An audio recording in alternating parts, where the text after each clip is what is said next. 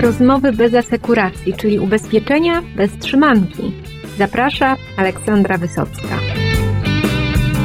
Końcówka roku to czas odnowień w ubezpieczeniach rolnych i dzisiaj porozmawiamy o odpowiedzialności cywilnej rolnika, bo w gospodarstwie wiele rzeczy może pójść nie tak. A moim gościem jest Andrzej Paduszyński z Kompensy. Witaj Andrzeju. Dzień dobry. Już tutaj liście prawie opadły, temperatura też już powoli zaczyna spadać i to jest ten jesienny sezon, kiedy znowu się rozmawia o rolnikach.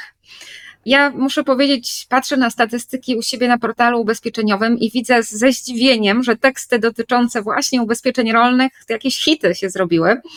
Nie wiem dokąd zmierza ten świat, ale w tym nowym świecie chyba jakieś kwestie upraw, hodowli, produkcji żywności to się robi całkiem istotne. A jak to wygląda w kompensie? Czy to też jest istotna linia biznesowa? Oczywiście jest to bardzo istotna linia biznesowa, jeśli chodzi o klientów indywidualnych, a my właśnie traktujemy rolników jako klientów indywidualnych, to jest to nasza druga linia, jeśli chodzi o ubezpieczenia. Pierwszą jest oczywiście ubezpieczenie mieszkań i domów, ale zaraz po nim to jest właśnie ubezpieczenie rolników. My wprawdzie w kompensie nie skupiamy się na ubezpieczeniu upraw, a tylko i wyłącznie na mieniu odpowiedzialności cywilnej rolnika oraz na ubezpieczeniu zwierząt i maszyn. I też nie dziwi to, że pod koniec roku jest taka duża informacja i skupienie na rolnikach, bo tradycyjnie od lat, mimo zmiany terminów w ustawie, większość ubezpieczeń obowiązkowych rolnych budynków i OC odnawia się właśnie w grudniu. To ubezpieczenie jest mniej mobilne, tak to nazwę, ponieważ obrót w gospodarstwach rolnych jest dużo, dużo mniejszy. Żywotność gospodarstwa rolnego, tak można brzydko powiedzieć, też jest dużo, dużo dłuższa. To nie samochód, który wymieniamy po kilku latach, gdzie w OC komunikacyjnym nie widzimy tego piku grudniowego, albo on jest trochę mniejszy. Natomiast jeśli chodzi o ubezpieczenia rolne, to w dalszym ciągu większość ubezpieczeń to jest właśnie grudzień i mimo starań agentów i zakładów ubezpieczeń, żeby to troszkę przedłużać, rozciągać na inne miesiące, nawet tylko na listopad, to okazuje się, że jednak większość tych ubezpieczeń jest zawieranych właśnie w grudniu i to jest bardzo gorący i ciężki czas dla wszystkich agentów, bo oczywiście nie wiem, czy to jest nasz narodowy zwyczaj, czy też wszystkich po prostu taki jest zwyczaj, że robimy dużo rzeczy na tak zwaną ostatnią chwilę, więc ostatnie dwa tygodnie dla agentów, którzy mają w swoim portfelu ubezpieczenia rolne. To jest naprawdę ciężka praca i zamykanie biur po godzinie tam 22, a nawet 23, ciągłe odbieranie telefonów, więc naprawdę podziwiam wszystkich i ich intensywną pracę, bo to jest naprawdę coś niesamowitego. My też kilkaset tysięcy polis, które mamy, większość odnawiamy w ostatnich trzech tygodniach grudnia, a jeszcze większość z tej większości to są ostatnie dwa tygodnie grudnia, a wiadomo, że ostatnie dwa tygodnie grudnia to też są święta, więc naprawdę jest to bardzo, bardzo gorący czas. Stąd to zainteresowanie, ale oczywiście produkcja żywności przy kryzysie, który mamy żywnościowym, związanym z, oczywiście z wojną na Ukrainie, no to to jest bardzo ważne, żeby być przynajmniej w tej części troszkę samowystarczalnym.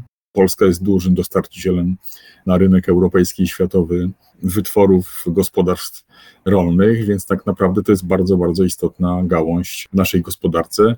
I te ubezpieczenia oczywiście też są bardzo istotne w związku z tym taki mamy mocny wstęp, no i tutaj z jednej strony rzeczywiście mamy wojnę, ale mamy też różne anomalie pogodowe, tak. które tam te fotowoltaiki zrywają z dachów, ale do fotowoltaiki i dachów jeszcze przyjdziemy. Ale zacznijmy jak u Hitchcocka od jakichś wypadków, bo przecież to jest właśnie też esencja ubezpieczeń. No i chciałabym, żebyśmy wyszli od odpowiedzialności cywilnej i takich sytuacji w gospodarstwie, kiedy w trakcie prac zdarzy się coś nieszczęśliwego, Rozumiem, że wtedy polisa no, staje egzamin. Tak, tu chciałem się skupić na tej części, o której może jest mniej mowy, czyli odpowiedzialności cywilnej rolnika i o szkodach osobowych. Nie wszyscy zdają sobie sprawę z tego, jak dobrym rozwiązaniem dla rolnika i dla poszkodowanych oczywiście jest przyjęte rozwiązanie w obowiązkowym ubezpieczeniu odpowiedzialności cywilnej rolnika z tytułu posiadania gospodarstwa rolnego, bo po pierwsze nie tylko sam rolnik odpowiedzialny jest za szkody, które wyrządzi, ale też wszystkie osoby, które mieszkają razem z nim we wspólnym gospodarstwie domowym. W związku z tym wszyscy, nie tylko domownicy, nie tylko ta, powiedzmy sobie, żona, mąż, ale też i związki partnerskie, każdy, kto wchodzi w skład gospodarstwa domowego rolnika, jest chroniony z tytułu odpowiedzialności cywilnej, czyli jeżeli wyrządzi szkodę w związku z posiadaniem tego gospodarstwa przez rolnika, to tą odpowiedzialność przejmuje Zakład Ubezpieczenia oraz każda osoba, która pracuje w gospodarstwie rolnym i wyrządzi w związku z pracą na tym gospodarstwie rolnym szkodę, również jest odpowiedzialność przejmowana przez Zakład Ubezpieczenia.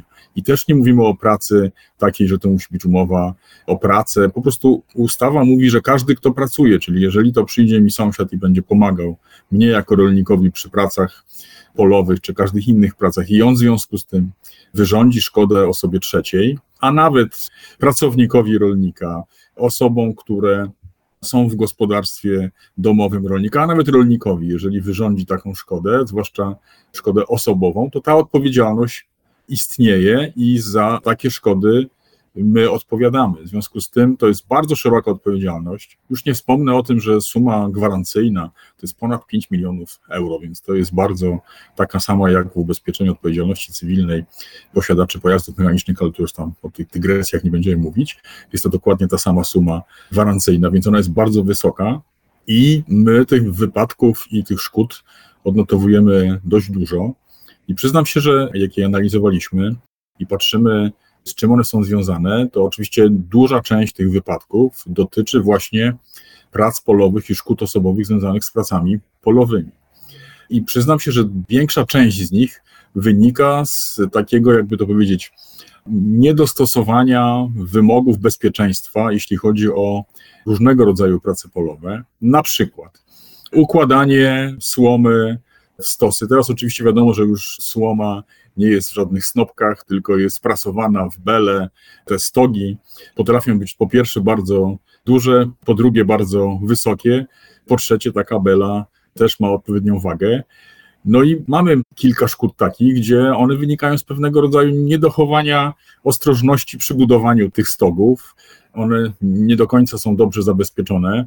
W związku z tym, na przykład stóg, który już został ułożony na wysokość kilku metrów, już nie powiem kilkunastu, ale kilku metrów, potrafi się, że tak brzydko powiem, rozjechać, czyli to rozsypać, i osoba, która jest na górze albo w pobliżu tego, ulega wypadkowi. I to są wypadki takie, gdzie dochodzi do bardzo poważnych uszkodzeń. Mamy przypadki uszkodzenia kręgosłupa, gdzie wypłacane są bardzo wysokie świadczenia plus renta dożywotnia młodej osoby i to potrafi dojść do kilku milionów złotych i takie świadczenia wypłacamy. I kolejny to jest współpraca z maszynami. W dalszym ciągu zdarzają się wypadki przy pracy, których właściwie mogłoby nie być, bo na przykład jest szkoda, gdzie pracownik coś poprawiał przy maszynie, która była podłączona do ciągnika. Te wszystkie przekaźniki powinny być odpowiednio zabezpieczone, ale czasami okazuje się, że nie mają tych osłonnych zabezpieczeń. Niestety przy pracy za ręka w kurtki została wkręcona rękę w maszynę. No i znów jest szkoda bardzo poważna, z dużym uszkodzeniem ciała, znów szkoda z rentą i na kilka milionów złotych, świadczenie wypłacane, oczywiście rozłożone w czasie, ale jednak bardzo, bardzo poważne, więc widać, że te szkody się po pierwsze zdarzają, po drugie one najczęściej wynikają z takiego może niefrasobliwego czasami podejścia do prac, bo się nigdy nic nie wydarzyło, bo to tylko słoma, a to jednak waży kilkaset kilogramów i może wyrządzić poważne szkody. Jednak nie zawsze te maszyny, mimo że są coraz bardziej nowoczesne, to nie zawsze z tymi zabezpieczeniami jest dobrze.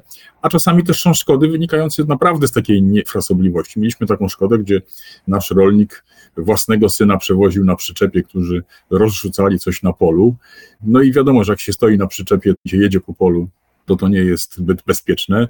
No i okazało się, że tak niefortunnie rolnik ruszył ciągnikiem, że pasażer spadł z tej przyczepy. Niestety, spadając, dostał też się pod tą przyczepę, więc można sobie wyobrazić rozmiar szkody. Na szczęście nie było tam oczywiście wypadku śmiertelnego, ale bardzo poważny wypadek i uszkodzenie ciała łącznie z paraliżem częściowym, więc znów bardzo wysoka szkoda, bardzo trudna sytuacja. No i efekt jest taki, że tych szkód, z tego co widzimy, w większości z nich można byłoby uniknąć, gdyby zastosowano podstawowy zdrowy rozsądek, tak? że niektóre rzeczy powinno się robić z większym zabezpieczeniem, albo w ogóle się nie powinno robić, albo wykorzystywać do tego specjalistyczne maszyny jak rozrzutniki, a nie rozrzucać coś po polu z przyczepy, stojąc na niej i po prostu coś tam rozrzucając. Oczywiście też zdajemy sobie sprawę z tego, że no, prace polowe są różne, jest mało czasu na to, żeby to zrobić i tak to wygląda. Też to ubezpieczenie odpowiedzialności cywilnej jest tak skonstruowane, żeby właśnie tego typu sytuacje też chronić że nie zawsze te warunki bezpiecznej pracy są zachowane i tu widać, że ustawodawca już dawno, dawno temu o tym pomyślał i właściwie za większość wypadków osobowych jest odpowiedzialność, no chyba, że ta szkoda jest zrobiona umyślnie, no bo wtedy jest regres do sprawcy, tak jak w ubezpieczeniu komunikacyjnym OC i w przypadku, kiedy sprawca jest pod wpływem alkoholu lub w skrócie alkoholu i narkotyków, tak to powiem, żeby tu się już nie zawijać, kruczki prawne. To są te dwa przypadki, gdzie istnieje regres do sprawcy, ale świadczenie jest poszkodowanemu wypłacane. Więc ta ochrona, jeśli chodzi o OC rolnika w szkodach osobowych, jest bardzo szeroka, bardzo skuteczna. No i jest bardzo realna, bo tych szkód jest po prostu bardzo, bardzo dużo.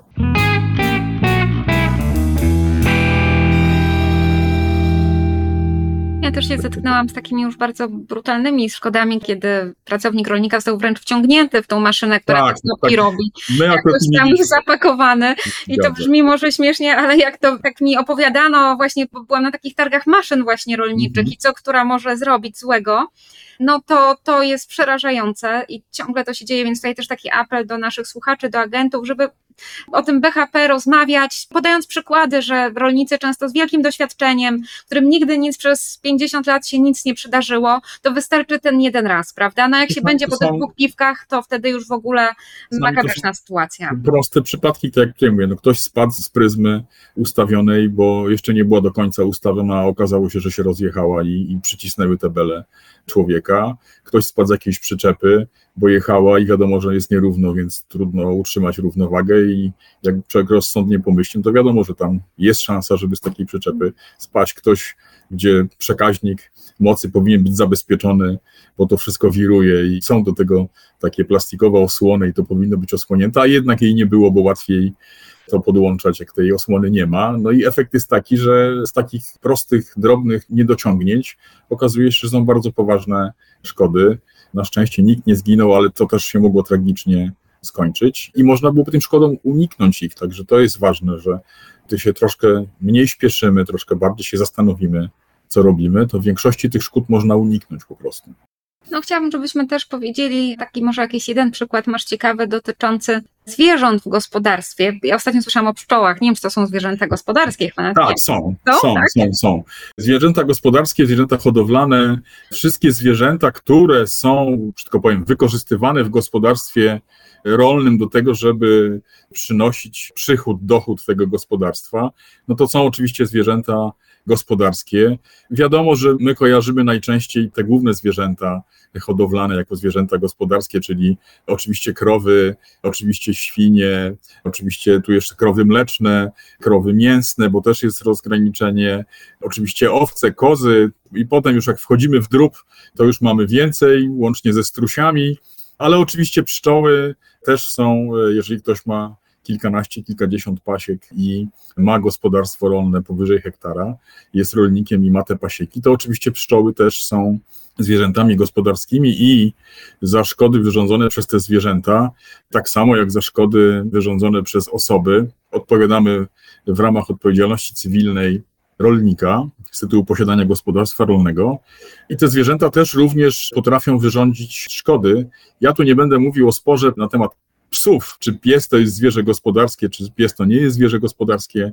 Różne są wyroki sądu, ale suma summarum efekt jest taki, jeżeli on nie wykonuje żadnych czynności, powiedzmy sobie, w gospodarstwie rolnym związanych z utrzymaniem tego gospodarstwa, czyli nie jest to pies pilnujący samego gospodarstwa czy domu, a na przykład jest to pies pasterski, który wykonuje pracę nadzoru nad stadem owiec czy nad innymi zwierzętami, no to wtedy on jest takim zwierzęciem, jak nie jest, to jest zwykłym psem, jak każdy inny pies, kto z nas posiada ale tu już nie wnikając w te szczegóły, przyznam się, że dużo część szkód wyrządzają zwierzęta w gospodarstwie, które w taki czy w inny sposób wydostają się poza teren gospodarstwa.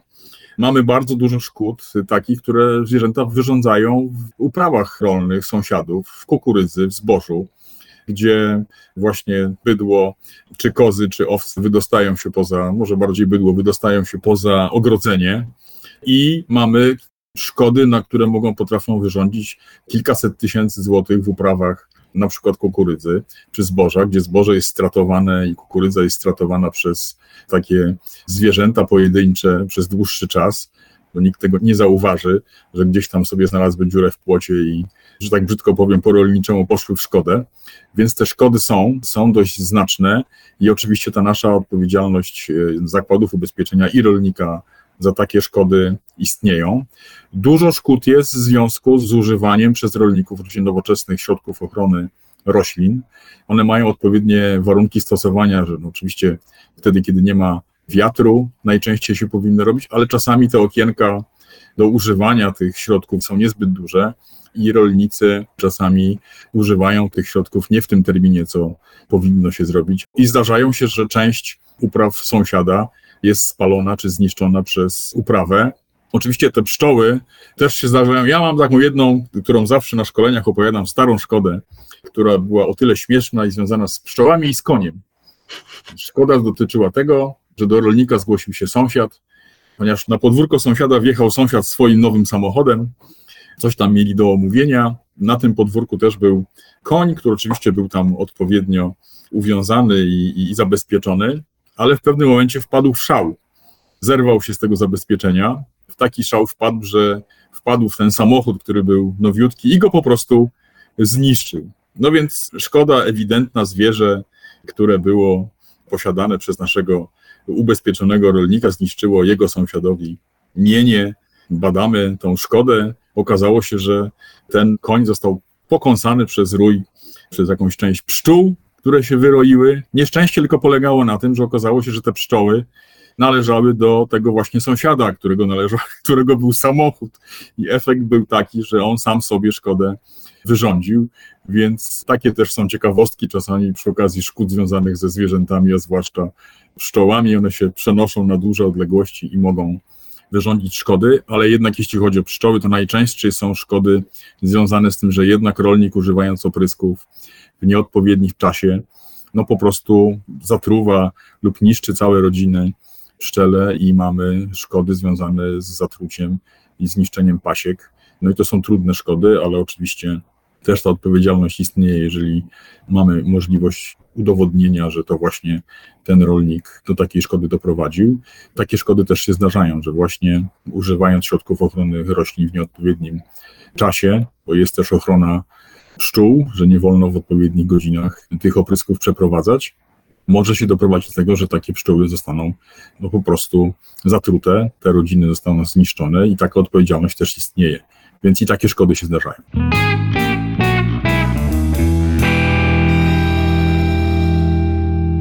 Teraz, żeby dobić już tego naszego rolnika, któremu tutaj tyle już złego się mogło przydarzyć, to jeszcze mu zaraz wybuchnie bateria, tak jakaś, czy instalacja fotowoltaiczna. Powiedz mi, Andrzeju, co praktyka przynosi, bo był czas boomu na instalacje, to się pojawiło w gospodarstwach, stoi obok, stoi na budynku, już żeśmy o tym mówili, jak to różnie może bywać. No ale teraz już wiecie też, co tam może pójść nie tak.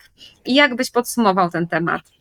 Akurat jeśli chodzi o instalację fotowoltaiczną, to myślę, mogę powiedzieć, że nie jest to zła informacja, a dobra informacja.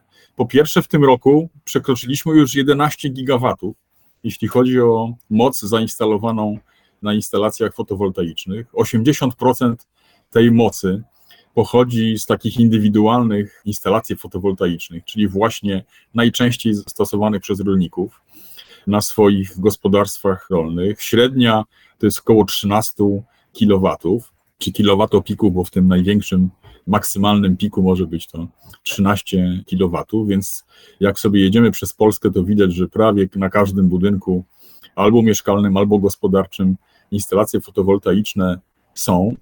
No i oczywiście rok 2022 jeszcze nie jest podsumowany przez Straż Pożarną, ale widać też z uwagi na temperatury, że był to rok rekordowy, jeśli chodzi o pożary Był to rok rekordowy, jeśli chodzi o huragany i wiatry, ale był też to rok rekordowy, jeśli chodzi o pożary. Zdarzyło się dużo pożarów w uprawach, co częściej, wcześniej nie było miejsca, no ale temperatury, które były w tym roku i susza, dały się we znaki i mieliśmy również pożary upraw. Dawno temu nie było takich szkód. Natomiast jeśli chodzi o fotowoltaikę, okazuje się, że oczywiście te pożary się zdarzają. One są oczywiście głośne, bo dotyczą fotowoltaiki, ale okazuje się, że jeżeli przepatrzyliśmy statystyki i podpytaliśmy się specjalistów, jak to jest z fotowoltaiką, to okazuje się, że tak naprawdę nie można powiedzieć, że to jest jakiś znaczący element tego, że ta fotowoltaika znacząco podnosi ryzyko. Oczywiście zdarzają się błędy, zdarzają się błędy montażowe, że tam używane są nie takie jak trzeba złączki, że czasami odległość od dachu nie jest odpowiednio utrzymywana, a trzeba pamiętać, że ta instalacja podczas pracy może się nagrzewać do temperatury nawet około 80 stopni, ale oczywiście 80 stopni to nie jest temperatura, która potrafi zapalić materiał w postaci, nie wiem, drewna czy jakiegoś innego materiału palnego. Muszą wystąpić kilka elementów, czyli najważniejsze to jest to zwarcie instalacji elektrycznej. I tutaj specjaliści, strażacy oczywiście mówią, że są te pożary i zdarzają się, ale nie jest to coś takiego, co można powiedzieć, że jest to nagminne, że jest to problem, więc naprawdę poniżej promila przypadków to są przypadki, gdzie ewidentnie przyczyną szkody była awaria instalacji fotowoltaicznej. Oczywiście musimy też pamiętać, że sama instalacja fotowoltaiczna jest wykonana z materiałów, które są palne, łatwopalne i już takiego pożaru jak dojdzie, to czasami nie jest to ułatwienie, a utrudnienie, więc na pewno jest dużo trudniej gasić pożar domu czy budynku, jeżeli ta instalacja fotowoltaiczna jest na dachu, no bo jest to dodatkowa po pierwsze izolacja, po drugie jest to dodatkowa ilość materiału palnego, więc na pewno te pożary się trudniej gasi, ale tu mówię optymistycznie, nie jest to coś takiego, co zwiększa istotnie ryzyko pożarowe na budynkach, więc spokojnie instalujmy je, użytkujmy. To jest dobra rzecz. Oszczędności z tytułu posiadania instalacji elektrycznej na pewno przewyższają to ryzyko lekko większe związane z tym, że jeżeli byłyby wady w wykonawstwie, to, to wtedy do tego zagrożenia pożarowego może dojść. Te instalacje są montowane już w bardzo dużych ilościach, monterzy też już mają większe doświadczenie w montowaniu tej instalacji. Zostały zwiększone odległości od dachu do instalacji, więc jest bezpieczniej i użytkujmy ją po prostu, bo to jest instalacja, okazuje się w miarę bezpieczna, nie bardziej niebezpieczna niż każde inne, które są montowane w gospodarstwach rolnych. Więc trochę optymistycznie, nie sam pesymizm, że wszystko może na rolnika czyhać. Powoli zmierzamy już do końca. Jeszcze Ci dopytam, Andrzeju.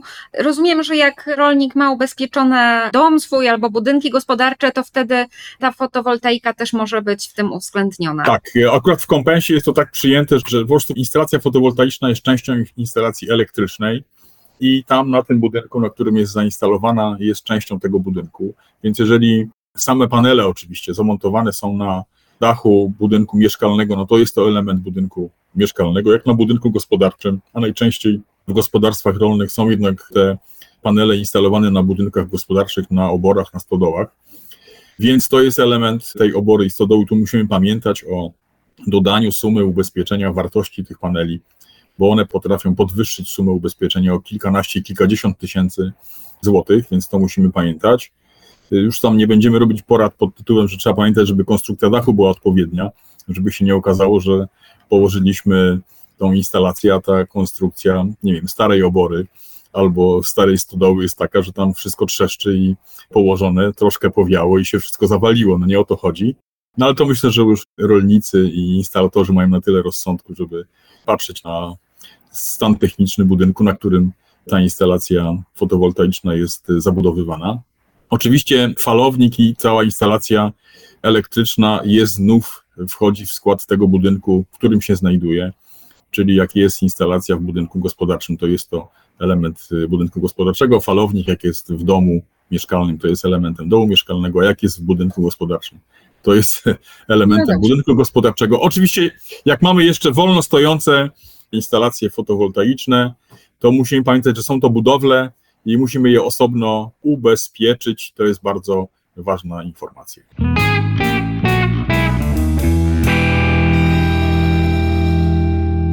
No dobrze, powiedziałeś magiczne zdanie, że jak trochę powieje, ale ostatnio obserwujemy, że to nie zawsze jest trochę, że coraz mocniej wieje. W ubiegłym roku, to już właściwie chyba od początku roku, i ubezpieczyciele, i rolnicy mieli się czym martwić. Było dużo tych szkód masowych, do Was nie można było się w ogóle dostać, bo ciągle ciągle się coś działo i ciągle ratowaliście świat. I jakie perspektywy na kolejny rok? Czy jesteście przygotowani, czy jakieś wnioski z tamtych zdarzeń, które już chyba nie są anomaliami, tylko chyba jakąś nową normą? No tak, na szczęście nasi poszkodowani klienci nie mieli problemów z dostępem do nas, bo to sprawdzaliśmy i satysfakcja naszych klientów jest bardzo dobra i bardzo wysoka z likwidowanych szkód właśnie masowych, ale 2022 był jednak rokiem, który był wysoce inny od lat poprzednich. Już w styczniu i w lutym wystąpiły dwa orkany na terenie Polski, które naprawdę przeszły przez Polskę i były to olbrzymie straty związane właśnie z tymi huraganami. Potem susze, potem takie burze i miejscowe podtopienia, więcej pożarów niż w roku 2021. Te statystyki będą zamknięte na koniec roku 2022, ale to na pewno będzie widać więcej pożarów w uprawach, więcej pożarów w lasach. To są niestety bardzo też istotne informacje. I okazuje się, że to, co patrzymy i to, co nam meteorolodzy mówią, jak będzie wyglądał rok 2023, to najprawdopodobniej nie będzie od odbiegał od tego, co się w ostatnich latach dzieje. Czyli musimy się spodziewać tego, że również będzie wiało, to, co nam z jednej strony jest fajną informacją, że raczej będzie ciepła zima.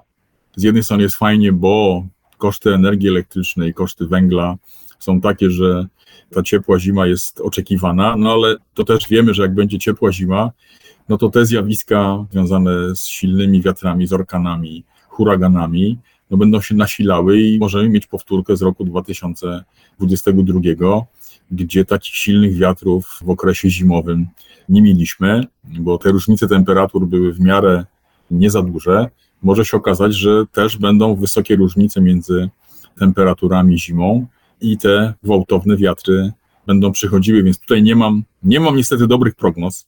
Musimy się do tego przygotować, że te zjawiska to już są zjawiska stałe, czyli huragany, silne wiatry, gwałtowne burze, gwałtowne opady deszczu. To jest coś, co musimy po prostu już przyjąć, że tak te nasze zimy, wiosny i lata będą wyglądały, będą coraz cieplejsze.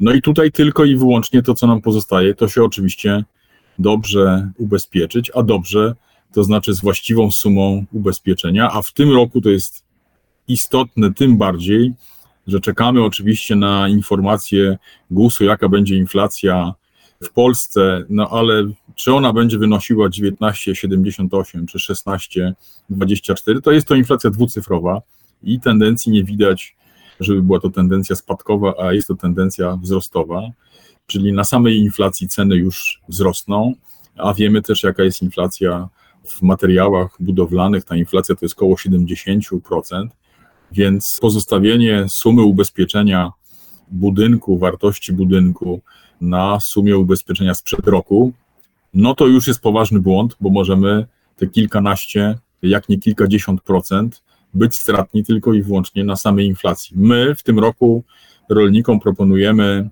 indeksację sumy ubezpieczenia o 15%. Wydaje nam się, że to jest dobry poziom, aczkolwiek no, przy tych poziomach można byłoby spokojnie te wartości podnieść o więcej niż 15%. I tutaj też rozmawiamy z naszymi pośrednikami, z agentami, żeby uświadamiali naszym klientom, że to jest bardzo ważne, żeby nie pozostawiali sumy ubezpieczenia na poziomach sprzed roku. My zapomnieliśmy, jak się żyje w latach inflacyjnych, bo jak jest inflacja na poziomie kilku procent, no to te ceny, można powiedzieć, prawie nie rosną, no ale kilkanaście procent to już jest bardzo dużo. I musimy te ceny, te sumy ubezpieczenia podnosić w górę, bo po prostu będzie wtedy problem, że jak będziemy mieli ten pożar, czy właśnie ten huragan i nam ten dom uszkodzi bardzo, może nam zabraknąć pieniędzy na odbudowę, na naprawę tej szkody, tego zniszczenia i nie będzie skąd wziąć na to środków po prostu. Już nie wspomnę o akcji kredytowej, która też jest ograniczana w związku z inflacją i w związku ze stopami procentowymi, więc tak naprawdę może się okazać, że nie będzie miał poszkodowany, skąd wziąć pieniędzy, finansowania na naprawę budynku. Jedyne źródło to jest polisa i ta polisa po prostu powinna być solidnie, dobrze ubezpieczona z odpowiednią sumą ubezpieczenia adekwatną do wartości odtworzenia budynku. O tym już więcej nie będę mówił, bo bym mógł mówić następną jeszcze godzinę, jak ważna jest ta suma ubezpieczenia, ale to nie wynika z tego, że tutaj chcemy nie wiem, więcej składki dostać, ale naprawdę ważne jest to dla naszych klientów, żeby byli dobrze ubezpieczeni. To jest po prostu podstawa ubezpieczeń. Dobrze określona suma ubezpieczenia.